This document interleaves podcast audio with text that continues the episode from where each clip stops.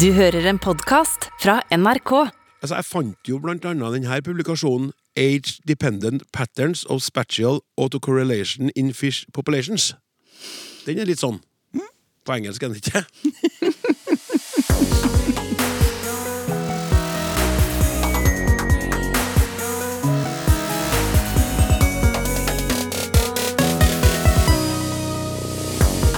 Kanskje vil du si oh, how awful. Kanskje bare so what? Uansett er ni av ti forskningspublikasjoner på norske høyskoler og universiteter skrevet på engelsk.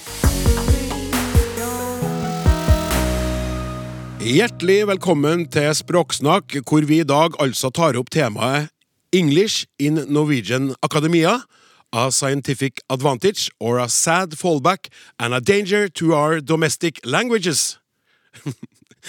Dessuten skal vi stifte bekjentskap med begrepet tungespissblotting og ha en skamløs statssekretær som gjest i Ut med språket.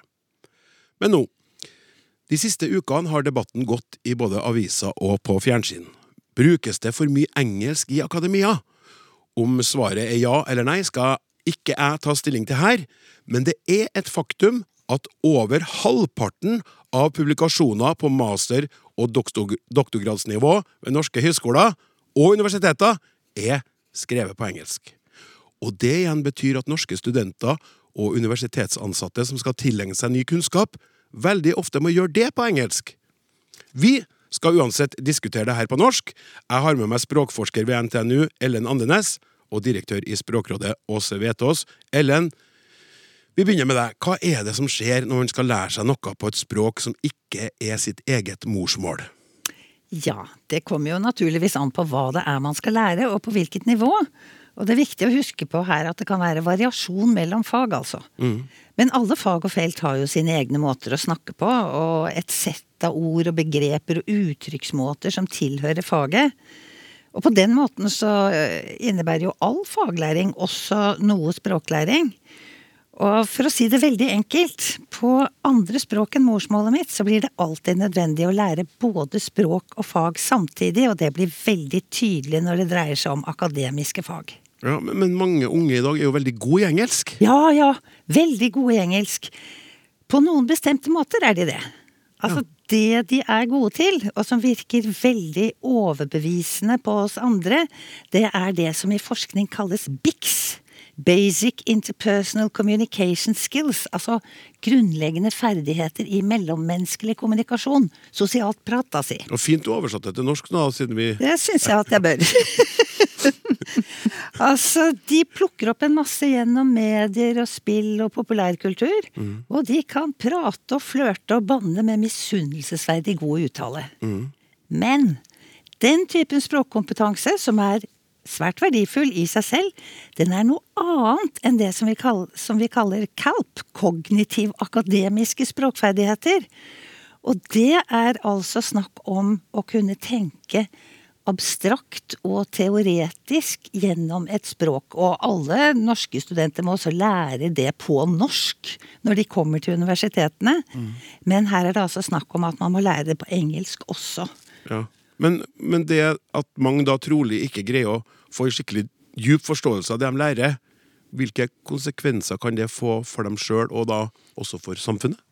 Nei, altså, jeg syns jo det er veldig bekymringsfullt. Eh, hvis vi først tenker individuelt da, for de studentene, så er det jo ganske bedrøvelig fordi at de investerer mye tid, krefter, energi, for ikke å snakke om penger, i utdanninga si.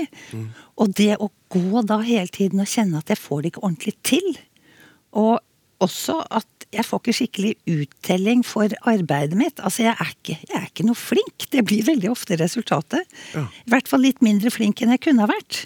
Det er synd. Ja, det er veldig synd. Uh, Og for samfunnet er det jo uh, Altså, det er jo virkelig bedrøvelig. ja, Fordi samfunnet investerer mye i å utdanne studenter. Altså, vi vil jo ha flinke fagfolk. Vi vil ha flinke lærere, sosionomer, leger, sykepleiere, eh, Nav-veiledere. Som kan samarbeide med andre flinke fagfolk på tvers av fag. Og eh, det skal de fleste studenter i Norge gjøre på norsk. ja. Ja. Eh, språkdirektør Åse Vetås, tittelen på lederen din i en utgave av bladet Språknytt tidligere i høst var 'Utfordrer engelsk'! Utropstegn. Hva tenker du om det Ellen sier her? Jeg mener at uh, hun peker på noen veldig viktige sammenhenger som dessverre er eh, altfor lite reflektert over når eh, så mye av undervisning og pensum på norske høgskoler og universiteter er flytta over til engelsk. Jeg skulle ønske meg mye mer forskning på hva det har gjort for læringsutbyttet til studentene. Vi vet fra noen svenske studier òg Eh, hva som skjer i forelesningsrommet når eh, forelesningsspråket endrer seg fra da, eh, lokalt morsmål til, til, engelsk. Det gjør noe både med foreleseren, som må bruke et annet språk enn sitt eget, og det gjør ikke minst noe med studentene. Altså Det blir færre spørsmål i forelesningsrommet, og studentene oppsøker heller foreleseren i pausen og spør på svensk, og, og da mister en veldig mye av den faglige felles refleksjonen som en kunne hatt mellom studenter og foreleser.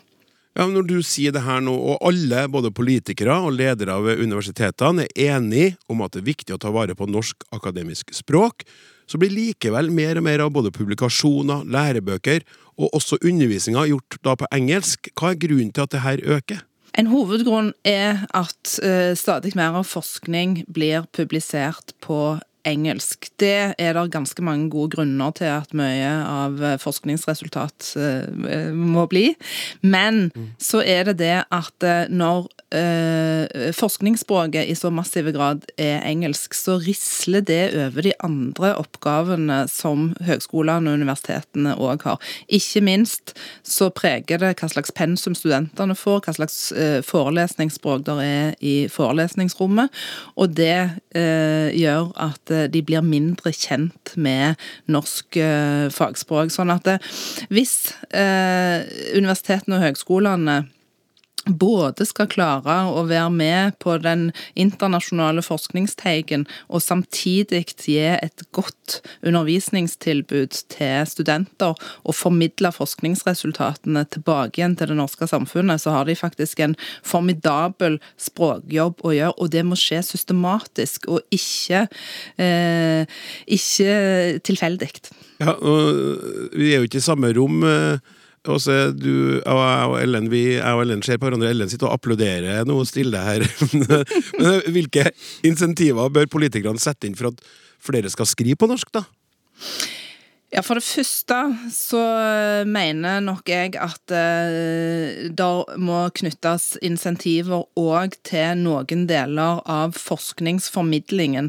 Sånn som det er i dag, så er det vanskelig for eh, ansatte på norske høgskoler og universiteter å prioritere å skrive fagbøker og lærebøker på norsk for høyere utdanning. Og det er veldig vanskelig å få tid og rom innenfor stillingen sin til å drive med det systematiske fagspråks- og terminologiutviklingsarbeidet som de faktisk eh, skal gjøre, fordi at det ikke knytter seg de samme typene insentiver til det, som knytter seg til å uh, publisere forskningsartikler eller å da uh, undervise. Så det er en skjevhet i det uh, belønningssystemet som godt kunne ha vært retta opp. Men så er det jo òg sånn at universitetene og høgskolene faktisk har i lovverket, i, i formålsparagrafen til universitets- og høgskoler, høgskoleloven så står det at institusjonene har et særlig ansvar for å utvikle norsk fagspråk og vedlikeholde norsk fagspråk på alle fagområder. Og hvis ikke det er en klar beskjed, så vet ikke jeg hva en klar beskjed er. Nei, det var det. Men samtidig så er det jo de fleste av oss da enige om at man, det er nødvendig å bruke både norsk og engelsk. Mm. Og hva blir da en uh, god balanse her? Uh, ja, Der har Språkrådet for uh, flere år siden, i 2017, sammen med Handelshøgskolen i Bergen, utvikla en veileder, en metodikk til god parallellspråksbruk, som gjør at institusjonene kan både velge norsk og velge engelsk i de situasjonene der det er det rette språket. Altså at en gjør kloke, gode språkvalg knytta til hver enkelt eh, situasjon. Da trengs det at eh, dette er et samtaleemne på universitetene og høgskolene. Det er et lederansvar, og at det finnes en språkstrategi lokalt på hver institusjon som kan gi da retning til det arbeidet. Og det må eh, universitetene og høgskolene ta ansvar for. Mm. Ellen, hva tenker du? Jo, altså endringen må jo komme både ovenfra og nedenfra. Og først og fremst da ved hjelp av insentiver. Nå kom det jo et eh, Det kom et interessant eh, innspill fra lederen for Universitet- og høyskolerådet på Språkdagen, som bl.a. snakket om at man kan løfte språkarbeid inn i den ordningen vi har for å merittere folk til å bli Eh, fremragende undervisere. Mm -hmm. Altså, eh, og det er en måte å peke på språkarbeidet på. Og altså, for meg så er det veldig gåtefullt at akkurat universitetene baserer så mye av politikken sin på rett og slett vankunne. Altså på å ikke ikke vite mm. og ikke forstå hva som kreves for at norske studenter skal utvikle et smidig og fleksibelt tankeredskap språklig. Ja, og få den djupere forståelsen uh, av faget sitt som du snakka om tidligere. Men hvis man uh, oppnår den, da, da greier man kanskje også å formidle faget videre like godt på begge språk, eller, Ellen? ja, du tenker hvis jeg lærer det på norsk, så vil jeg sikkert kunne formidle det utmerket på engelsk også? ja. ja, men da kan jeg spørre deg nå. Ja. Du har vært journalist i mange år. Kan du nå dra på engelsk en liten tale om eh, forskjellen på radiojournalistikk og avisjournalistikk? Det vil jeg. Jeg kan godt snakke masse om det på mitt eget språk, men jeg vil slite på engelsk, selv om jeg føler at jeg kan engelsk ganske bra. Jeg ville ja. stotra og stutra ja. og gårde. Stotra og stutra, faktisk. Det du kanskje ville gjøre da, det er det som veldig mange opplever, og det gjelder jo også minoritetselever i norsk skole og på norske universiteter der hvor undervisningsspråket er norsk, mm. det er at du ville redusert det du hadde å si, til det du kunne si på en noenlunde ålreit måte. Og det betyr at det faglige innholdet ville bli magrere. Og det kan jo ikke være noe å trakte etter for universitetene som kappes om å være mest mulig fremragende. That can really not be anything to track after. Uh, Åse, hva kan konsekvensen bli da hvis engelsk tar over enda mer i akademia? Ja, For studentene så vil de jo åpenbart eh, bli dårligere rusta til å møte det norske arbeidslivet. Det er et problem. Et annet veldig stort problem som jeg er bekymra over, det er at eh, vi vil slite etter hvert med å kunne ha et opplyst offentlig ordskifte her i dette landet om alle de viktige tingene vi skal diskutere. Altså hvis vi skal ta inn over oss eh, og kunne diskutere eh, en ordentlig måte alt som gjelder klima, helsepolitikk, utdanningspolitikk, alle de store, viktige temaene som vi må ha et godt offentlig ordskifte om. Det må vi kunne ha et eh, godt fagord for råd til å kunne eh, gjøre, og da trenger vi at Eh, universitetene og høgskolene formidler denne kunnskapen som de utvikler til det norske samfunnet på norsk, både gjennom bidraget fra studentene og gjennom generelle formidling tilbake til det norske samfunnet. Ja, kan vi ende opp med et uh, demokratisk problem til slutt, hvis uh, for mye forskning bare formidles på engelsk? Ja, og et annet problem vil jo være at eh, det er vanskeligere å skille skitt og kanel, som det heter. Altså hvis, eh, hvis eh, ikke kvalitetssikra kunnskap og forskningsresultater blir tydelig og godt skriftlig formidla tilbake igjen til det norske samfunnet, så er det vanskelig å trenge gjennom støyen fra alternative nyheter og, og falske, falske, nyheter og, og, og, konspirasjonsteorier. Så her har, her har Eh, norske universiteter og høgskoler en, en formidabel jobb å gjøre hver dag. Altså, det, Jeg har lyst til å skyte inn her at det fins måter, hvis vi tilstreber da en balanse mellom norsk og engelsk. Og vi må bare erkjenne det at altså norske forskere må delta i internasjonale samtaler om fag, men også norske samtaler om fag. Og da Altså, det er et begrep som heter transspråking. Mm. Translanguaging, da på engelsk, ja. ikke sant? Mm. Som brukes nettopp i flerspråklige sammenhenger der hvor engelsk er det felles akademiske språket, men ikke morsmålet til studentene. Og transspråking er en strategi der man tar i bruk både studentenes språk og engelsk for å arbeide med språklig bevissthet og språklig kompetanse i begge språk. Mm. Og i akademisk undervisning så kan det gjøres f.eks. ved å jobbe med norske og engelske versjoner av samme tekstavsnitt. Sammenligne og reflektere over dem. Altså, jeg har holdt på med å ha engelsk som akademisk språk i snart 50 år. og i alle de åra har jeg hatt en liten motor bak i hodet som sier 'hvordan kan jeg si dette treffende og presist på norsk'? Mm. Men det er ikke alle som har den motoren. Uh, og det er mye jobb med det. Mm. Og det, sånt kan man ikke legge ansvaret over på den enkelte student for. Det må gjøres på systemnivå, eller altså det må være incitamenter for å jobbe med det. Du, altså, ledes nydelig over til. Jeg må bare, eh, eh, du, du, skal få kommentere det også, men du skal også få med et spørsmål uh, samtidig. Hva, hva, mener du politikerne bør gjøre da, for å sikre et godt norsk fagspråk, uh, med tanke på det som Ellen så fint sa her?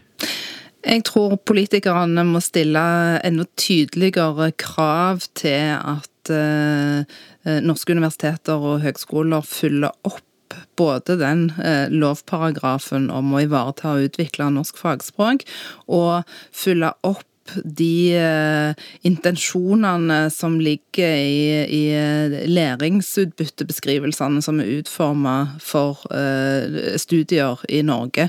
På masternivå så skal studentene f.eks settes i stand til å kunne formidle faget sitt til et, et bredere publikum. Og hvis de skal kunne gjøre det, da må de få god opplæring i både norsk fagspråk og i engelsk fagspråk. Og som Ellen så viktig peker på, så kan vi ikke flytte den byrden med å utvikle det norske fagspråket over på eh, studentene. Mm. Uh, fint. Helt til slutt, Ellen, du snakka om denne motoren du har ja. hatt med deg hele veien. Samtidig så jobber du på et av de universitetene som sterkt oppfordrer til bruk av engelsk, altså NTNU. Hvilke tiltak tror du vil uh, fungere for å få flere til å skrive, altså formidle sin mm. forskning på, på norsk?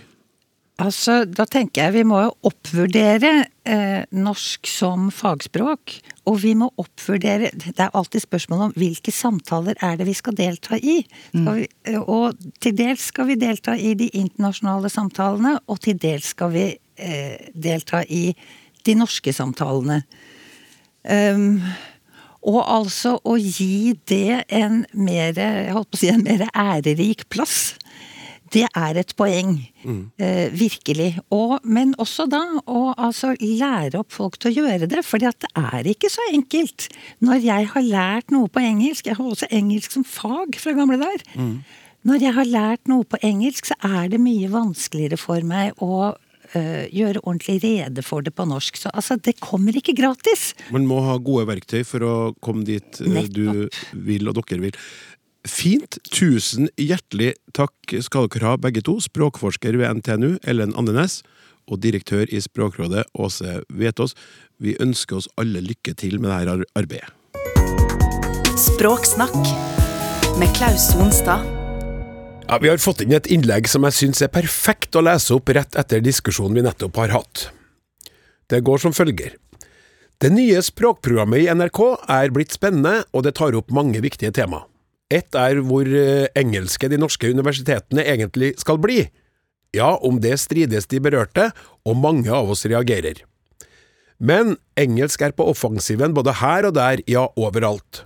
Nå invaderer engelsk for eksempel hele den norske klesbransjens butikker, i alle fall i Bogstadveien på Majorstuen, og da kommer alle etter. Det er lenge siden vi begynte å venne oss til at det ordet sale dominerte i alle utstillingsvinduene i klesbransjen i salgsperiodene. Mer spennende enn det litt trege norske salg? Gitt den knallharde konkurransen ble alle gradvis tvunget til å følge etter. Takten har økt, og snart er engelsk blitt enerådende i butikkvinduene. Nå følger prislapper, informasjon osv. Engelsken overtar. Utviklingsretningen er ikke til å misforstå, men hvem i all verden henvender klesbutikkene seg til? En kan virkelig lure. Og hva vil de oppnå? For antallet engelskspråklige kunder i norske butikker året rundt er neppe særlig stort. At konkurransemomentet ensretter butikkene, er ingen bombe, det har vi visst lenge. Engelsksyken har nå vind i seilene og brer seg raskt. Med knallhard kamp om kundene og de toneangivende som hærførere kan det virke som om løpet er kjørt. Kan vi bevisstgjøres? Jeg er egentlig ikke så veldig optimistisk. Men det er i alle fall god grunn for Språksnakk til å problematisere denne triste utviklingen. Selv gremmer jeg meg. Vi må bli oss bevisst at det norske språket er verneverdig, at det er truet, og at det har stor egenverdi. Vi må ikke la en konkurransedrevet motebransje sitte mutters alene i førersetet. Håper dere kan ta opp spørsmålet i sendingen deres. Med vennlig hilsen Ranveig Dale, kampvillig! Tusen takk for inspirerende innspill, Ranveig. Det her skal vi definitivt se nærmere på i ei fremtidig sending. Kampvillig må også ukas gjest i Ut med språket kunne sies å være. Hun har i mange år nå stått på barrikadene for et åpner, mindre sosialt undertrykkende og mer fordomsfritt norsk samfunn.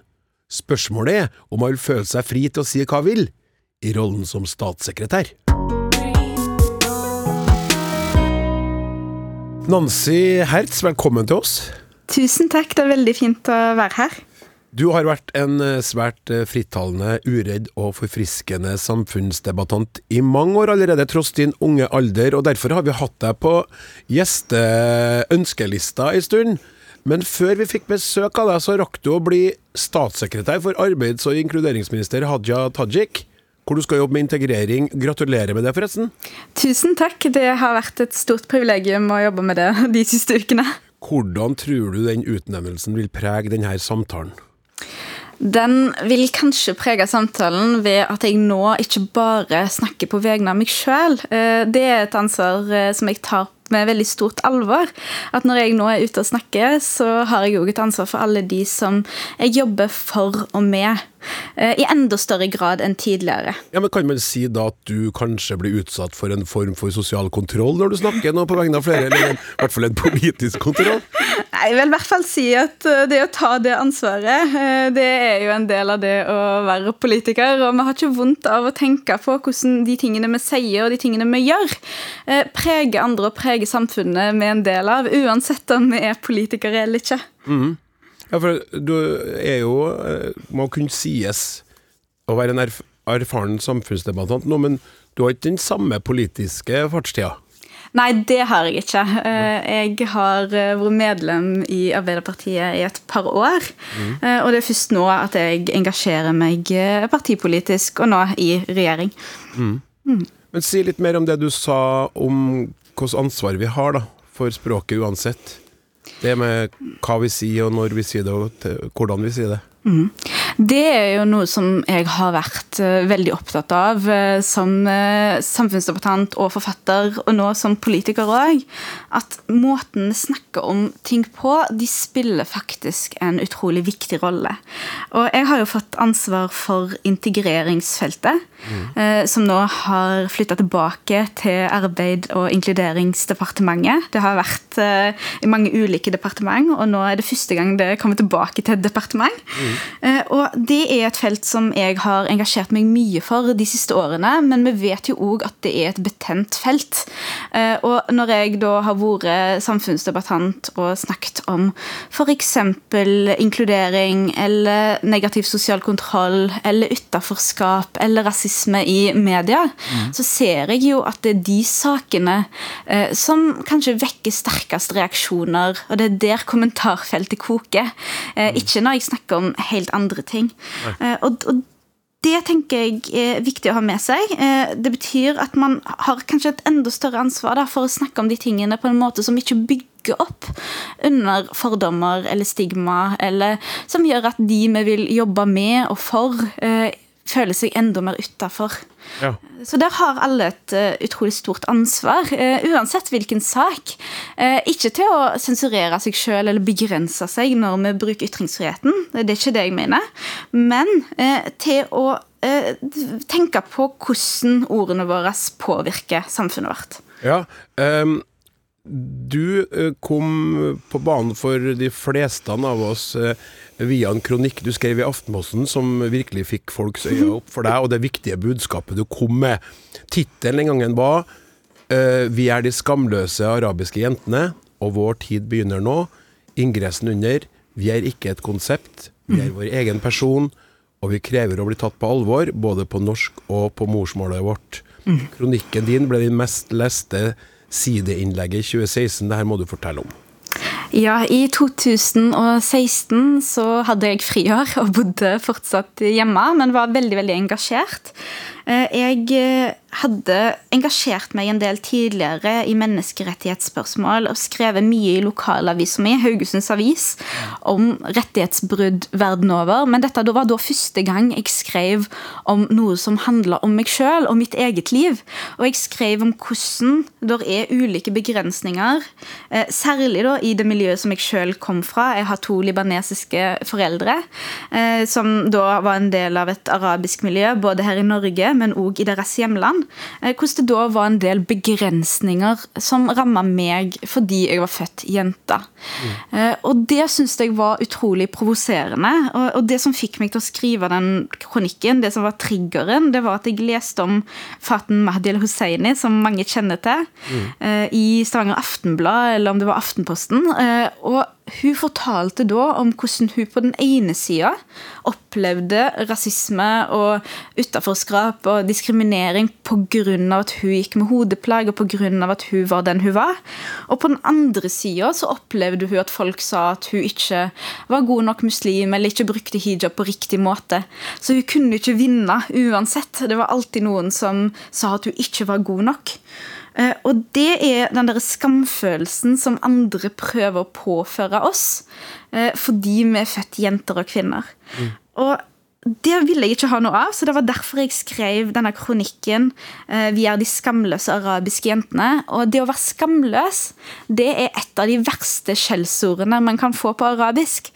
Eh, Og det gjelder jo ikke bare jenter og kvinner som ser ut som meg og Faten. Eh, Det har jeg blitt enda mer bevisst på i ettertid, at dette er noe som kan ramme mange av oss, uansett hvilken bakgrunn foreldrene våre har, uansett hvilken religion vi tilhører.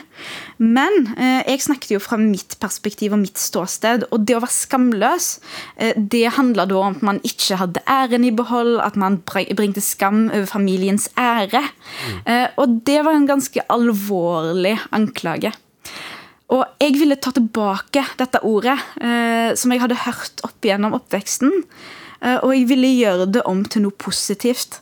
Eh, og som en av mine medforfattere og det som da skulle bli boka 'Skamløs', eh, sier, så er det sånn at hvis det å være skamløs er det samme som å være fri, så er vi skamløse. Det er det Sofias Ror som har sagt ute i offentligheten en god del. Ja, eh, det ble en bok av det, men kan du bare si kort før vi går til det med Sofia og Amina og deg eh, Mottagelsen, hvordan var reaksjonene? Altså, den var jo mest lest, men det trenger ikke alltid å være sånn at det er så positivt å bli mest lest. Det kan jo også være at man blir lest av mange som blir forarga, forbanna, opprørt, provosert. Det som eh, jeg opplevde da jeg skrev denne kronikken, det var jo at mange kjente seg igjen. Blant annet Sofia Sror og Amina Bile, eh, som da skrev sine egne kronikker som svar. Eh, Og som nyanserte dette bildet. Og det er bare tre av oss. Det var utrolig mange som svarte. Som enten kjente seg igjen, eller som var uenig i en mindre detalj, eller som eh, rett og slett gikk ut og var veldig veldig sinte på oss og sa at vi ødela for vår kultur og vår religion.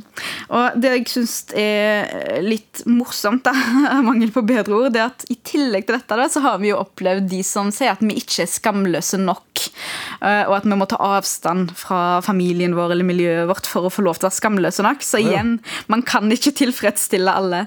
Men det er veldig lett å henge seg opp i den negative responsen. Eh, og det har jo jeg hatt en tendens til å gjøre, men den aller, aller viktigste responsen, det er jo den når unge mennesker sier at fordi du tør, så tør jeg òg.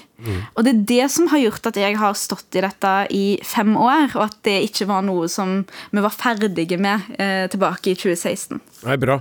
Enig. Fokuserer mer på det positive. Eh, teksten ble til bok, og boka ble til fjernsyn. Ja, vi fikk jo muligheten til å skrive boka 'Skamløs' i 2017. Eh, og sammen med Sofia Stro så var jeg med og lagde TV-serien 'Skamløs'. Eh, og det handla jo om at vi måtte snakke om disse tingene på ulike måter, i ulike kanaler, for at det skulle nå ut til ulike typer folk. Det er ikke alle som nødvendigvis går i en bokhandel eller på biblioteket og tenker at jeg skal lese denne rosa boka som disse kvinnene har skrevet. Eh, men ved å snakke om det i ulike kanaler, og her, så når vi ut til ulike målgrupper. Og det har jeg syntes har vært utrolig viktig. Mm. Og Samtidig eh, så har det vært viktig å snakke om det på et språk som andre kjenner seg igjen i. Eh, og snakke om det på en måte som gjør at hvis det sitter noen der hjemme nå og tenker hm, ja, men dette høres jo litt kjent ut. Negativ sosial kontroll eller skam og æreskultur, gjelder det meg? Så, eh, så, vil jeg at de skal tenke at hvis du har den tanken i det hele tatt, eh, så gjelder det kanskje deg, og da er det viktig å snakke om det med noen som man stoler på. Ja. Uh, uh, språket er viktig, uansett hva man kjemper for. Mm. Um, denne kampen mot negativ sosial kontroll og mer til førte flere priser.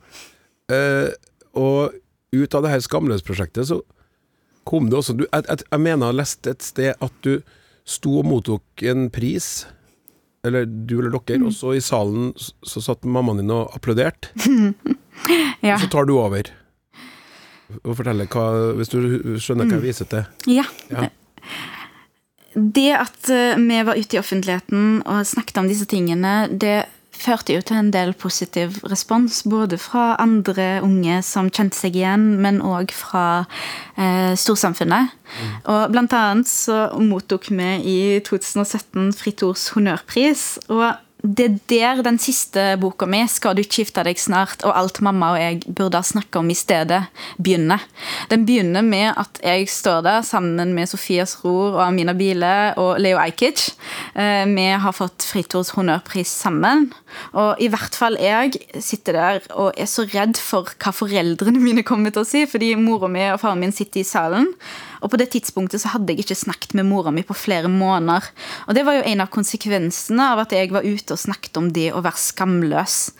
Eh, og mens jeg tenkte at det var så utrolig viktig å ta tilbake definisjonsmakten på dette begrepet, på dette skjellsordet, så så jo mora mi at datteren hennes brukte et av de verste skjellsordene om seg sjøl. Og hun kunne ikke forstå hvorfor jeg skulle legge opp til det, og hvorfor jeg skulle tillate at andre brukte det ordet om meg. Eh, og det er der jeg eh, starta eh, den siste boka mi. Fordi det var da jeg sto der og fikk en pris, og egentlig burde vært veldig veldig glad, så var jeg samtidig veldig redd for hva mora mi satt og tenkte. Og om foreldrene mine kom til å snakke med foreldrene til Sofia. Og om de da skulle begynne å konspirere mot oss. Ja. Jeg syns, det er et så fint prosjekt du setter i gang på så mange plan. For det første så er det jo utrolig tøft av deg å tenke at det her må jeg til bunns i. Jeg vil, istedenfor å trekke meg mer unna, så vil jeg inn og forstå. Og så syns jeg det er veldig tøft av mora di òg, som takker ja til å bli med på det. Jeg skjønner at hun takker ja til å snakke med dattera si, men at hun godtar at du har med båndopptaker, og at det blir et bokprosjekt ut av det, det, det er stilig, da. Jeg eh, sier jo det at ja, jeg har kommet langt, og jeg har jo tatt denne kampen i mitt eget liv og prøvd å øke det jeg kaller for takhøyden i mitt eget liv. Og kanskje til og med brøte glasstaket. Men mora mi, gitt det utgangspunktet hun har hatt, og det hun kommer fra, hun har jo hatt en enda lengre vei, og hun har hatt en enda større utvikling. Så jeg har utrolig stor respekt for at hun har turt å møte meg på den måten, ta den praten og la meg skrive denne boka. For mens jeg har valgt å være offentlig, mens jeg har valgt å bruke språket som et verktøy og som et våpen eh, mot de som prøver å begrense meg, så har jo ikke hun tatt dette valget. Eh, likevel så har hun latt meg bruke hennes stemme og vår historie eh, og hennes perspektiver for å inspirere flere til å gjøre det samme. Eh, og det kan jeg jo ikke gjengjelde på noen som helst måte. Det er utrolig stort av hun å gjøre. Hvordan, hvordan, var tilbakemeldingene fra mamma når bokprosjektet var ferdig? da? Eller lot du henne lese underveis? Eller hadde du ikke full kunstnerisk frihet? Hun fikk eh, lese boka før den ble eh, gitt ut. Og jeg spurte henne jo òg som en del av det som ble en del av da, epilogen, om hun var nervøs, om hun var redd for reaksjonene. Og jeg som egentlig er ganske dristig og ute i offentligheten og tenker at det er viktig å snakke åpent om ting, begynte jo å få litt kalde føtter rett før boka skulle bli gitt ut. For jeg var redd for hvilken respons hun kom til å få fra sitt miljø, sine venner, sin familie. Og det hun sa, det var at hun var ikke nervøs, og at det var greit, fordi vi forteller jo bare sannheten om vårt eget liv. Eh, og jeg tror jo at det å fortelle sannheten om sitt eget liv, det å tørre å snakke åpent om det og, dele sine erfaringer, det bidrar til å åpne det rommet for mange, mange flere. Mm. Og selv om ikke alle skriver bok om det eller snakker høyt om det, så tror jeg at alle eh, kan ta eh, noen steg da, i sitt privatliv. Enten det er ved å snakke med noen man stoler på, en venn eller en lærer, eller eh, en, som er profesjonell, som kan hjelpe deg med dette. Eller ved å faktisk ta kampen og ta den praten med den det gjelder. Mm. Så kan alle pushe eh, sine egne rammer litt lenger. Og så kan alle bidra bidra til mer åpenhet. Og jeg tror ikke at alle kan ta den praten med mora si. For noen så koster det altfor mye, og det respekterer jeg. Men alle kan i hvert fall ha tenkt den tanken høyt. Fordi det, det, er kun da vi kan kvitte oss med skammen. Det er kun ved å snakke høyt om det med noen man stoler på. At man kan kvitte seg med den der ekle følelsen i magen som mange av oss går rundt og bærer på. Og bli fri. Og bli fri. Men uh, vi må inn på det statssekretær... Uh jeg skulle til å si greiene. det er en måte å si det på. Ja, det er en måte å si det på. Men hva er, hva er det du ønsker å oppnå på vegne av fellesskapet i den nye rollen din? Mm. Jeg hadde jo ingen eh, planer om å sitte her og være statssekretær, men da statsråden spurte meg om å være statssekretær for integrering, så kunne jeg ikke si nei. For det første pga. at jeg har sett opp til henne lenge. og tenkt at det er en person som har makt som ligner på meg sjøl, og som er med på å sette dagsorden og gjøre en forskjell. Eh, da jeg var yngre, så var det så stort at hun så ut som meg på håret og hadde samme øyenfarge, og jeg kjente meg igjen i henne. Men òg fordi jeg har vært engasjert i integreringsfeltet og inkluderingsfeltet. Eh, Regjeringen sin ambisjon for uh, integreringsfeltet det er jo å øke likestilling, det er å bekjempe negativ sosial kontroll, det er å jobbe for sterkere fellesskap. Og jeg håper jo å være med å bidra til det, uh, bl.a. ved å lytte til sivilsamfunnsaktørene og ta de på alvor, men òg ved å være en stemme for de som er unge der ute, som vokser opp i Norge i dag, og som kanskje tidligere har følt at vi blir snakka om, eh, men ikke med og ikke for. Eh, og det syns jeg er utrolig viktig å få fram. At jeg har lyst til å være en stemme for de som kanskje tidligere ikke har følt at de kommer til makta. Eller at de har et forhold til makta. Mm. Eh, og det er jo noe som jeg tar på det største alvor. Og så er jeg òg opptatt av at integrering det handler om så mye mer enn at de som er nye i Norge, de skal bli integrert og de skal bli som oss. Det er noe som går begge veier. Det handler minst like mye om inkludering. Eh, og mye av dette er politikk, men en del av det handler jo òg om språket vi bruker. Jeg skulle akkurat å spørre deg, om det, og så kom du til deg sjøl, vet du. Det, du klarer deg jo så utrolig bra. Hvor mange uker er det du har vært statssekretær nå? Eh, fire og en halv. Men det føles ut som en evighet. det kan jeg si deg. Og jeg er heldig som har et utrolig, vi er veldig heldige som har et utrolig flott embetsverk som jobber med og for oss.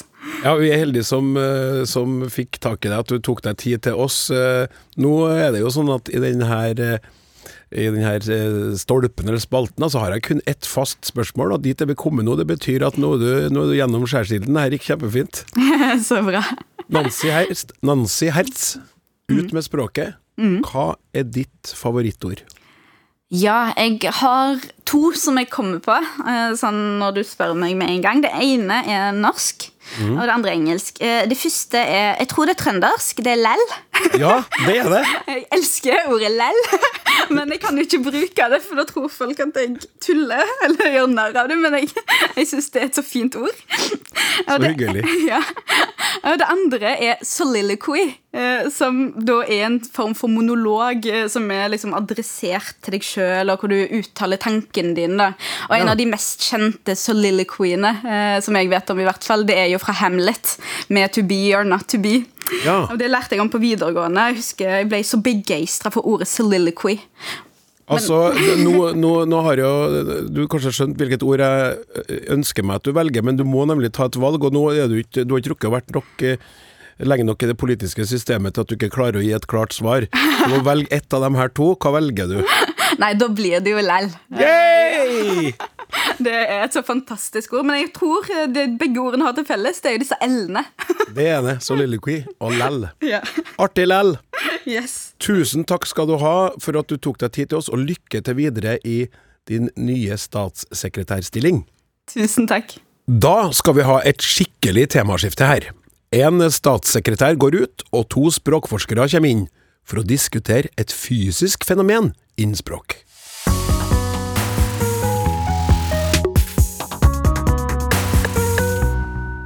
Har du, kjære lytter, hørt om tungespissblotting? Ja? Nei? Uansett, tungespissblotting er et fenomen som har bredt mer og mer om seg i løpet av de par siste tiårene. Det her har i alle fall du observert, språkforsker ved NTNU Olaf Husby. Du har annet skrevet flere innlegg om det her på en språkblogg. Hva i all verden er tungespissblotting? Ja, tungespissblotting det er når, når man gjør, når man snakker, så stikker man tungespissen fram og ut mellom tennene og viser den tydelig. Og det er ikke eh, på en måte når som helst. Man gjør det når man sier lydene T, D, N og L. T, D, N og L. Ja. Og jeg kan jo prøve å si de nå. Nå har jeg jo sagt de uten tungespissblotting. Jeg kan prøve å si de med tungespissblotting. Ja. T, D, N, L. Ok. Og- Jeg, jeg må bare si til lyt, lytteren med en gang at uh, det, det her skulle dere, eller du har sett, da, for det var, det var veldig artig å se på Olaf når han gjorde det. Nå skal jeg prøve, prøve å gjøre det sjøl. Sånn. T, D, N og L. Ja, Ja. Og da kan jeg si at jeg sitter her i studio med to menn som sitter og vifter med små rosa tungespisser. Men jeg hører altså ikke forskjell på når dere vifter med tungespissen og når dere ikke gjør det. Nei, og den som sier det her, det er språkviter Helene Uri. Eh, Du er også her, det er det ingen tvil om. Og du hører ikke forskjell, men du ser forskjell, ikke Det er veldig stor forskjell, veldig fascinerende. å se på. Prøv selv, da vel. Det, det Jeg blir så oppmerksom på dette her. Dere, dere stirrer på munnen min, gutter. Men eh, hva Altså, det her er, det her er greia.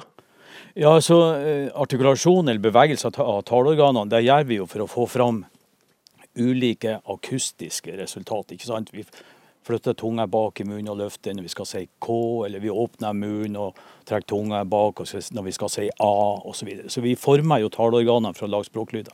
Men det spesielle med de her fire er at vi får ingen akustiske resultater av å flytte tungespissen fram. Og det må bety at når, når folk gjør det, så må det være av andre grunner enn å skal lage en, en språklyd. Ja. Det at tungespissen kommer fram, det er et, et sterkt visuelt signal. Så poenget tror jeg rett og slett tungespissen min skal bli sett. Og det er jo spørsmål hva slags signal er det? Ja, nettopp. Det funker jo veldig dårlig på radio, men eh, i det virkelige liv, eller på TV, så vil det jo være veldig Ja, det ser vi jo. Det er jo bare å følge med på, på TV. Nå sist på, på lørdag så, så satt han eh, Warholm hos Kåss og, og smilte Karsten Warholm? Karsten Warholm, ja. Ja. Smilte flørtende og, og blidt med tungespissen ut mellom tennene. Ja vel? Ja, er det, er det noe, noe, humres der? Hva, hva, hva, er det hva er, altså, Du har jo observert det her du òg, Helene. Ja, jeg har observert det og lært om det fra Olaf. Og jeg har jo vært eh, ekstra interessert i det fordi jeg er opptatt av språk og kjønn. Kvinner, menn og, og språk. Og det jo, brukes jo mer av kvinner enn av menn. Men Ja. det, som sagt, det finnes noen menn også. Dere var jo kjempeflinke gutter. Bare Tusen. trene litt til, og så sitter han. Tusen, tusen, tusen takk. Ja, Nå gjør jeg med. tusen takk. Tusen takk, ja. ja men, men altså eh, eh, hva, eh, På TV, eh, Karsten Warholm, er det andre da fra uh, Helenes uh, kjønnsside som gjør det på TV? Ja, så jeg, På den bloggen min så har jeg jo bilder av Jessing Lindhave som intervjuer Magnus Carlsen. Mhm. Det, det er massevis av, av tilfeller. Og så har Ja, hos begge, mener du? Eller hos øh, kvinnen? Hos, eh, hos eh, kvinnen. Ja. Mm. Og så eh, Selda Ekiz hadde en sånn innannonsering av en programserie på NRK hvor hun viste veldig tydelig, og lagt det ut på bloggen min. Og det er Ja. utrolig mye tunger som kommer fram. Altså. Akkurat. Eh, Jeg syns jeg husker, Olav, at du en gang sa at de mest ekstreme tungespissblotterne rett og slett kan stikke ut halvannen centimeter tunge. ja, ja. Og det er ja, Nå har jeg ikke målt på henne Selda, men, men det, det er mye tunger som kommer ut. Så snodig det her er. Altså, det, jeg har aldri tenkt på det før. Det, det er en greie. Det er noen som driver og byr på litt tunge når de prater. Ja. Ja. Du sa jo at det er noe som har vært eh, observert de siste 20 årene. og Det er mulig jeg sa det for at du har sagt det. Eh, Men det er mulig kilden er Britney Spears. Britney Spears. Takk. Ja. I, Britney Spears. i, i Hun blotter tunge. ah. 98, 'Hit Me Baby One Oh, More Time'. baby, Ja. how was I supposed to know? Og det hun gjør, hun gjør det jo veldig ekstremt. og Det, altså det er ikke språklig relevant. å gjøre. Hun, stek, hun skal si L. Hun stikker tunga ut av munnen sånn. Ja. Jeg tar den liksom ut og opp på leppa. Ja, ja. På overleppa. Og, og eh, man ser det jo tydelig på, på videoer som hun lager. Men det er Da er det jo et, et seksuelt signal, kan vi vel tørre å påstå, uten å være eh, faglig eh, tenker tolker det nok også som Ja, ja, en liten rosa tungespiss som kommer til syne og forsvinner og kommer ja. til syne igjen. Ja. Ja, men er det også sånn da Er det det som er, ligger bak det her hos nå, nå er det jo ingen av de her tungespissblotterne som vi har nevnt som kan være her for å forklare seg eller eventuelt forsvare seg, men hva tenker du, Olaf, som har begynt å sett på her fenomenet? Hva tror du det handler om? Jeg, jeg, jeg tror jo det er et, et erotisk signal, et flørtende signal. Jeg tror nok jeg har sett sånn tungespiss i, i mellom tennene i smil og, og latter før, før det her begynte å bre seg ut. Men altså ikke, ikke fulgt av, av, av språklyder. Ja, det er jeg helt enig i. Tenk, tenk et eh, flørtende smil. Mm. Sant? Legger hodet på skakke, smiler veldig, og så stikker tungen ut eh, mens man smiler. Ja, Ja. Ikke sant? Litt Ja, sånn. ja, ja. Den, eh, ja, det er jo, ja men er det, er det bare Karsten Warholm som du har noen andre Nei, jeg, jeg mener han, eh, han Robert Stoltenberg, han komikeren, han må jo ha sett det. For jeg mener jo å se Eller han som, som Robert Stoltenberg, han gjør jo ikke det her. Nei. Men i noen av rollene sine, jeg mener som, som Yngve Freihov, moteskaperen Ja, Freiholt. Freiholt, ja. Ja. Så, så kan vi se det. Akkurat. Ja. Ja. Så han legger det til en rollefigur og gir den egenskapen til en rolle? ja, Ja. ja, og vi har en samferdselsminister som gikk av i går, som bruker det. Hareide? Ja. Ja, nettopp. Så det er både blant altså kvinner og menn, da. Og et et stadig mer eh, et, et fenomen som brer om seg i stadig større grad. Har du lagt merke til det etter at du begynte å snakke med Olaf om det her? Har du, har du begynt å observere Jeg har også sittet med øynene klistret mot menneskers munner. Ja, det er jo vanskelig å la være. Eh, også, det som jeg syns er viktig å ta opp, er jo også om dette er bevisst eller ubevisst. Ikke sant? Fordi det er jo mote i språk som det er mote alle andre steder. Av og til så har buksene sleng, og av og til har de ikke sleng. Og så sprer det seg. Men det jeg lurer på, er om språkbrukerne vet hva de gjør. Hva tror du om det? For det, det lurer jeg på. Ja, det lurer jeg òg veldig på.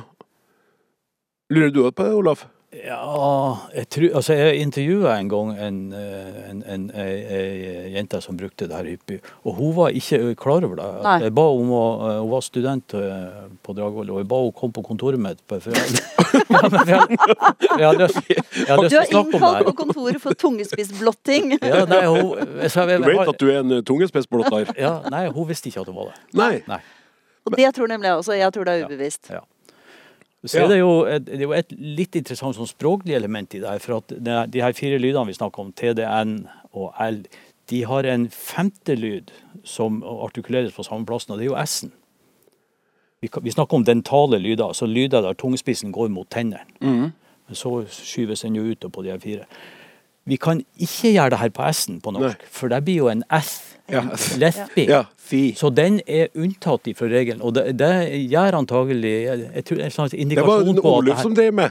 Hva- Oluf gjorde jo det. Ja, Ikke ja. ta og Emma, så det var var ikke litt sånn han eh, Ja, S-en? ja. Ja, det er frem, ja. Ja. Stemmer ikke det? Så Men den- Oluf var kanskje den første tungespissblotteren i Norge? Men den eh, har jo Den har jo, den jo eh, Den forskjellen mellom S og lesba S er jo språklig relevant. Tenk på engelsk. Think og think. Ja. For da får du en tydelig akustisk forskjell. Ja. Så da gjør man, man vil ikke ha med den her eh, på norsk, for, på norsk er jo den ansett som en sånn talefeil. Man går jo til eh, logoped for å, å, å bli kvitt den. Så den er holdt utenfor det her fellesskapet av de her eh, fire. Og så ser man jo òg at når de her fire opptrer i, i lag, eller to og tre i lag, så, så får du jo bedre tid. Hvis du skal si TN i lag, som i båten, så har du først T-en, og så har du N-en. Da har du veldig god tid å få det her. Mandler. Mandler, Ja. endelig, ikke sant? Ja, ja, ja. Så dess lengre tid du har, dess større mulighet er det for at den, at den dukker opp. Hvis du bare har en, en, en enslig av de her lydene, så er det ikke sikkert at den kommer. Er du eh, ferdigforska på det her, eller har du lyst til å jeg blir veldig nysgjerrig på om lytterne eh, Om noen lyttere kjenner seg sjøl igjen som en tungespissblotter, eller kjenner en tungespissblotter. Det må jo være den typen blotting som er helt greit å drive med, faktisk. Eh, både til hverdags og fest. Det er jo her er jo helt i orden. Ja, ja, det Det er blotting av greieste og tryggeste sort. Ja, ja. Eh, så kan de jo skrive til oss. ja. Jeg skulle til å si til snakk, men det blir feil. Snakk, krøllalfa, nrk.no. Tusen takk skal dere ha, Olaf Husby og Helene Uri. Språkforsker og skråstrek språkvitere begge to. Språksnakk. Og, og Olaf, vi har faktisk fått inn eh, en e-post til Ja. akkurat den e-postadressen. Eh, hør her nå. Hei! Diskuterte med en venn, oppvokst i Hammerfest, som bruker et uttrykk som er I dag slo jeg han i. I dag slo jeg han i. Parentes matrett. Når han beskriver hva han lager til middag. Hvor kommer det fra? Vi har sett på de mange ulike betydningene av verbet slå, men finner ikke forklaringen.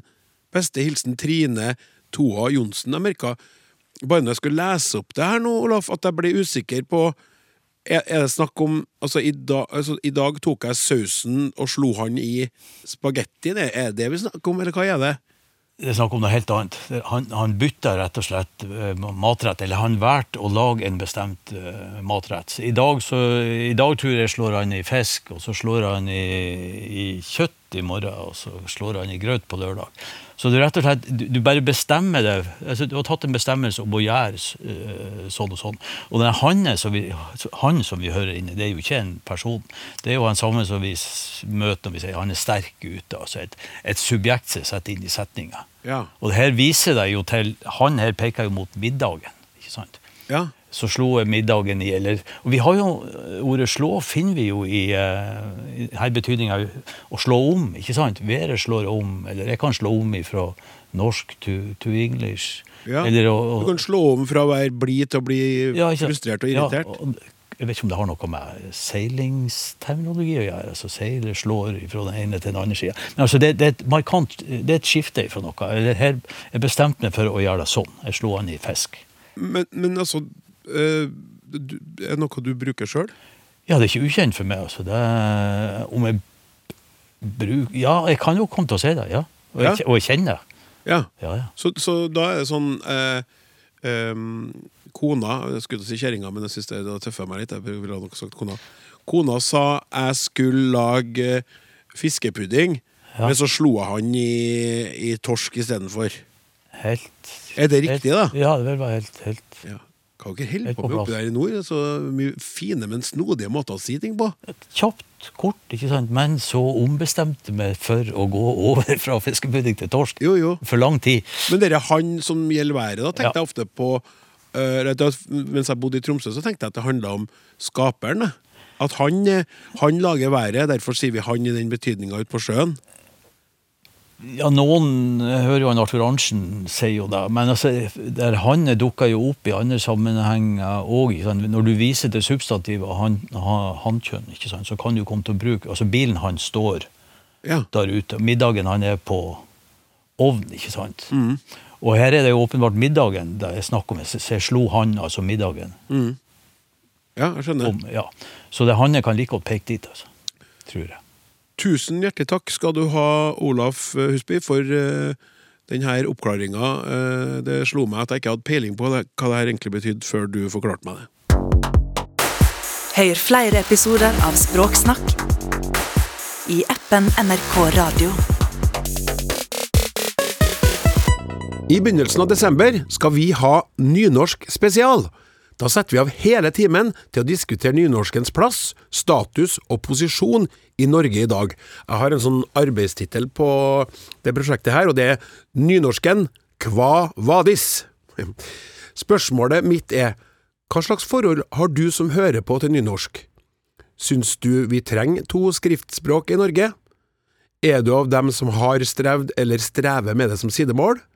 Eller elsker du nynorsken og fortviler over at nynorsken ikke får mer plass og ikke har den statusen nynorsken fortjener? Uansett hvor du er på denne meningsskalaen, skriv til oss, vi vil svært gjerne høre fra deg. Du kan skrive på nynorsk eller bokmål til snakk krøllalfa nrk.no. Snakk krøllalfa nrk.no. Vi venter i spenning på din mening om nynorsken. Språksnakk er med det slutt for i dag. Martin Våge, Randi Lillealteren, Hilde Håbjørg, Petter Gustavsen og jeg, Klaus Sonstad, ønsker på gjensyn. Vi Eller gjenhør, jeg kanskje heter. Vi snakkes.